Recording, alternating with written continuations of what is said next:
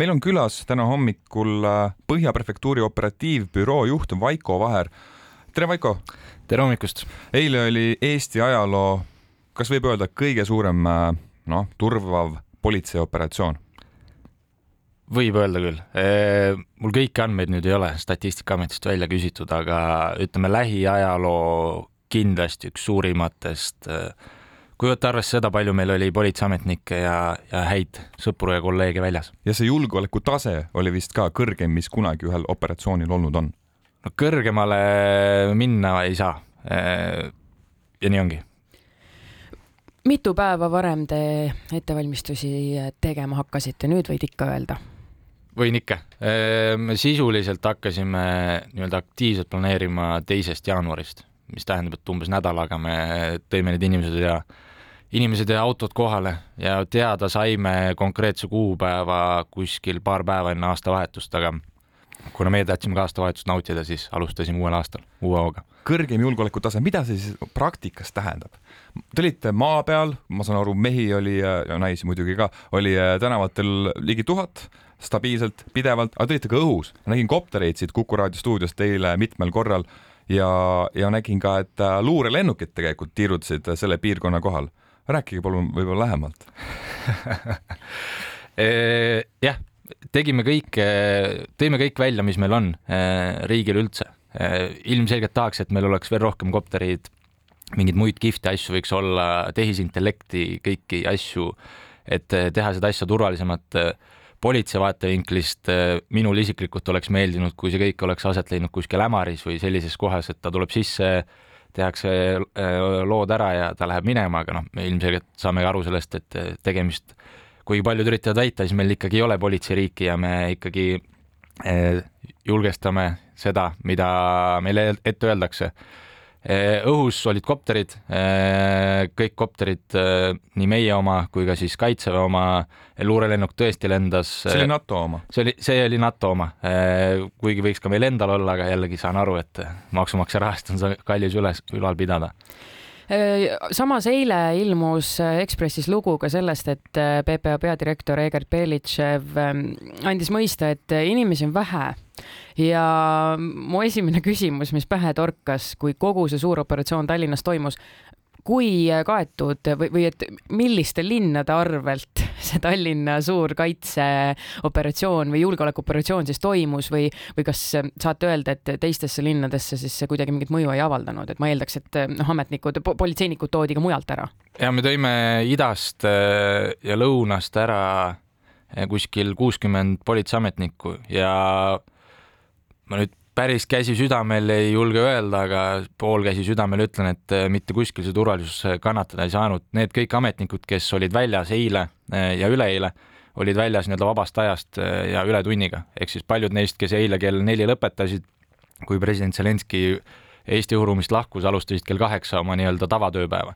et kui jõuda sinna Ekspressi artiklini tagasi, siis jah, me oleme õhukesed ja see ei tulnud, see tuli meie enda une, unetundide ja pereaja arvelt lugesin ühte natukene ehmatavat artiklist Õhtulehest, et president Zelenskõi jõudis Tallinnasse tegelikult juba kolmapäeva õhtul ja sel ajal, kui ta teel Eesti poole, juhtus midagi Tartu maanteel, ma saan aru, et kuskil üks prügiauto pargitud äh,, politseinikud läksid kontrollima, miks see auto seal on ja, ja siis ühel hetkel, kui see politsei, see prügiauto siis sooviti seda ära ajada sealt, keeras veel uuesti otsa Tartu maantee poole. ühesõnaga ma lugesin, et üks päris äh, selline ärev olukord oli. mis seal oli lõpuks, see jäi lahtiseks. seal kas..., ma mõtlen, kuidas ma seda nüüd ütlen, ühesõnaga jah, see olukord oli. kui ma ise ka seda artiklit lugesin ja ise seal juures olles, siis noh, ma saan aru, et see lugedes tundub palju põnevam, kui see sellel hetkel oli ja, ja Õhtulehe ajakirjanikud väga äh, mitte osavalt, aga ühesõnaga ongi enda tööd väga hästi teinud ja lugejale ju lugejale, lugejale see asi väga meeldib ja kus ja kui ma nüüd jõuan faktideni, siis see asi oli eh, prügiauto oli, eh, emotsioonid läksid ülesse, kuna meil oli president Zelenskõi saabumiseni kuskil tund aega aega. Eh, prügiauto juhil jah, tõesti tekkis väike segadus sellega, et kuhu see auto ära parkida ja kuna meil oli just see, ütleme, operatsioonis see kõige kriitilisem hetk, et Zelenskõi hakkab kohe saabuma siis eh, emotsioonid läksid ülesse ja, ja vastab tõele, et seal eh, olid ka staabis eh, hõiked, et pange see auto seisma. see kõik laabus lõplikult jah, aga mis seal oli siis lõpuks, et artiklis on kirjas, et noh, et seal kas prügiauto või autopomm, mis seal siis? autopommi seal meie, meie andmetel ei olnud mm, -hmm. kuna meie demineerijatel oli tollel õhtul tegelikult hästi palju tööd, siis prügiauto kontrollimine eraldi võtab hästi palju aega ja kuna me ei saanud ka seda autot liigutada, kuna selle prügiauto juht väitis, et tal autol on mingi tehniline rike siis äh, demineerijad ütlesidki, et nende ettepanek on äh, kas siis kasutada varumarsruuti või siis teisaldada see auto ära, äh, kuna nad ei saa meile sada protsenti siis kindlalt öelda, et seal ei ole autopommi. ja jah, ja nii see oligi. kas see oli president Zelenskõi visiidi kõige ärevam hetk teie jaoks? Minu enda jaoks, kui rääkida nii-öelda asjadest, mis juhtusid, siis jah, see oli minu jaoks äh, kõige ärevam hetk, kui rääkida üleüldse, milline, millised need ärevad hetked olid, siis äh, üks ärevamatest hetkedest oli saabumine, kui ta tuli, siis teine ärev hetk oli, oli see, et kui kaua seda nii-öelda me suudame vaka all hoida. ja peamised ärevad hetked olid seotud sellega, kui Zelenskõi, president Zelenskõi kuhugi liikus või siis väljas viibis, et need on need kohad, kus me ise hindasime, et, et võib see rünnak tulla tema vastu miks äh, kaasati äh, Kaitsevägi, et seda tehti küll presidendi äh, käskkirja alusel, ma saan aru, aga, aga kellelt see initsiatiiv selleks tuli? meilt endalt, kui tänastest uudistest lugedes tegelikult Kaitsevägi kaasati Kaitsepolitseiameti nii-öelda lisajõuks ja seaduse järgi meil ei, me ei saagi kaitseväelasi niisama tänavale tuua, kui me tahame nendelt saada siis sunni rakendamise õigust või siis jõu kasutamise õigust siis see käibki kõik presidendi nõusolekul. ja peamiselt oli kaasatud siis Kaitseväe erioperatsioonide väejuhatus, kes aitas meil äh, erinevate selliste, selliste võimetega, mida meil endal iga päev ei ole, on need snaiprid, on need äh, lihtsalt mehed vormis, hästi välja õpetatud mehed vormis. Äh, Zelenskõi on kaks aastat olnud ikkagi väga tugeva tähelepanu all, kas te tegite ka ees sellist taustatööd, et kui palju ja, ja millised on olnud need olukorrad, kui Zelenskõi päriselt on ohus olnud, tema elu on ohus olnud? jah, meie isi-, isikukaitsebüroo, kus töötavad siis ihukaitsjad, nemad vastutavad kogu selle ohuhinnangute eest ja nemad tegid ka väga põhjaliku ja, suhteliselt pika ohuhinnangu, mis siis kirjeldas ära kõiki neid võimalikke ohte, mis president Zelenskõi siia tulekuga võivad kaasneda. meile teadaolevalt talle ühtegi atendaadikatset nii-öelda väljaspool Ukrainat tehtud ei ole, aga ta on ise väga palju rääkinud sellest, kuidas seal sõja alguses ja ka hiljemalt on tema suhtes siis erinevaid rünnakuid toime pandud. ja, ja nii ongi, aga noh, rääkides sellest ohust üldse, siis äh, noh, see on suhteliselt ilmselge, et me ei pea ühtegi paberit selle jaoks kirjutama või, või isegi kelle käest küsima, et äh, me teame, kes Zelenskõi on, me teame, mida, mille eest ta seisab, me teame, kus oleme meie, me teame, kes on meie idanaaber ja, ja me teame ka, et äh, on osa Eesti, Eestis elavatest inimestest, kes kindlasti, kellel oleks kindlasti hea meel, et president Zelenskõiga Eestis midagi juhtuks. kas selliste operatsiooni teel tehakse ka pannakse dokumenti kirja, et sellise sündmuse juhtumise tõenäosus on äh, vot see number, sellise sündmuse puhul noh, selline stsenaarium juhtub selle tõenäosusega. mis see kõige tõenäolisem siis ohustsenaarium oli? Äh, kõige tõenäolisem, äh, me hindame ohte me, me tahaksime väga, et meil oleks selline süsteem, et keegi niisugune superanalüütik, kes ütleb meil eh, konfitsiendid või, või midagi sellist. Kahjuks seda ei ole, sest eh, noh, ütleme ka sotsiaalteadustes nagu ka ma arvan, politseitöö suures osas on, on väga keeruline sellist kvantitatiivset analüüsi või mingit hinnangut anda. Eh, kõige tõenäolisem, mis me ise nägime ja eeldasime ehk siis me hindame nii-öelda tõenäolisust ja siis mõju, ehk siis kõige tõenäolisem, aga kõige väiksema mõjuga on selline äh, üksiküritaja provokatsioon, on see mingi plakat, on see pudel kuskilt visatuna, on see, ja see oli meie jaoks kõige tõenäolisem. teine tõenäoline oli lihtsalt selline force majeure, et meil on noh, seesama prügiauto, meil on kuskil mingi tee, meil kukub kuskil mingi puu alla.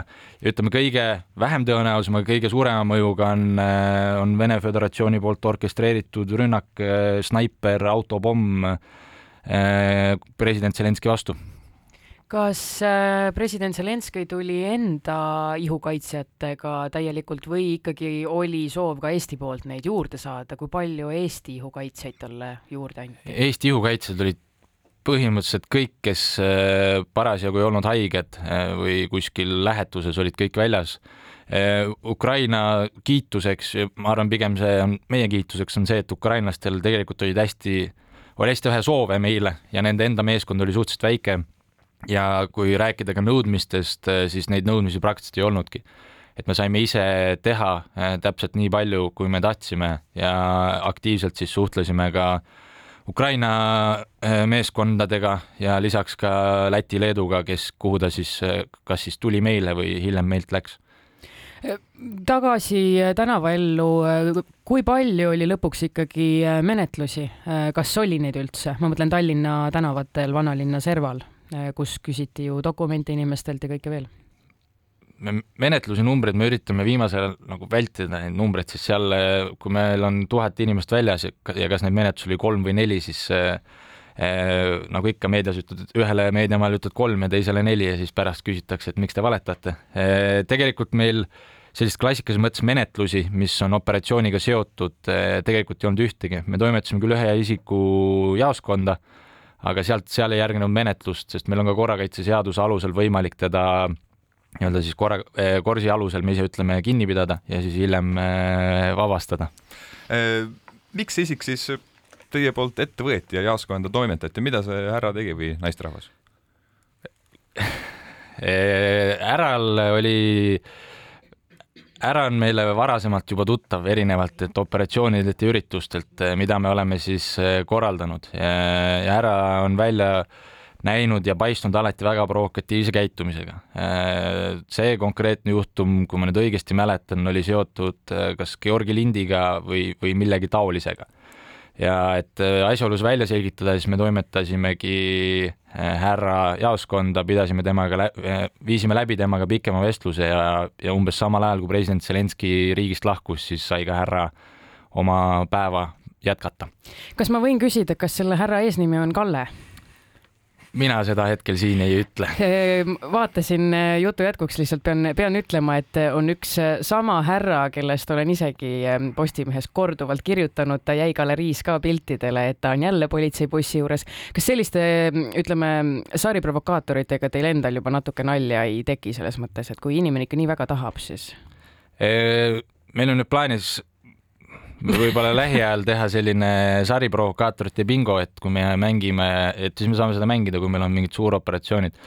aga noh, see ongi, ma ütlen, see on, see on demokraatliku riigi märk, on see, et meil need inimesed on, need inimesed saavad elada, need inimesed saavad oma meelt avaldada ja, ja avaldagu, et äh, meil selles osas probleemi ei ole.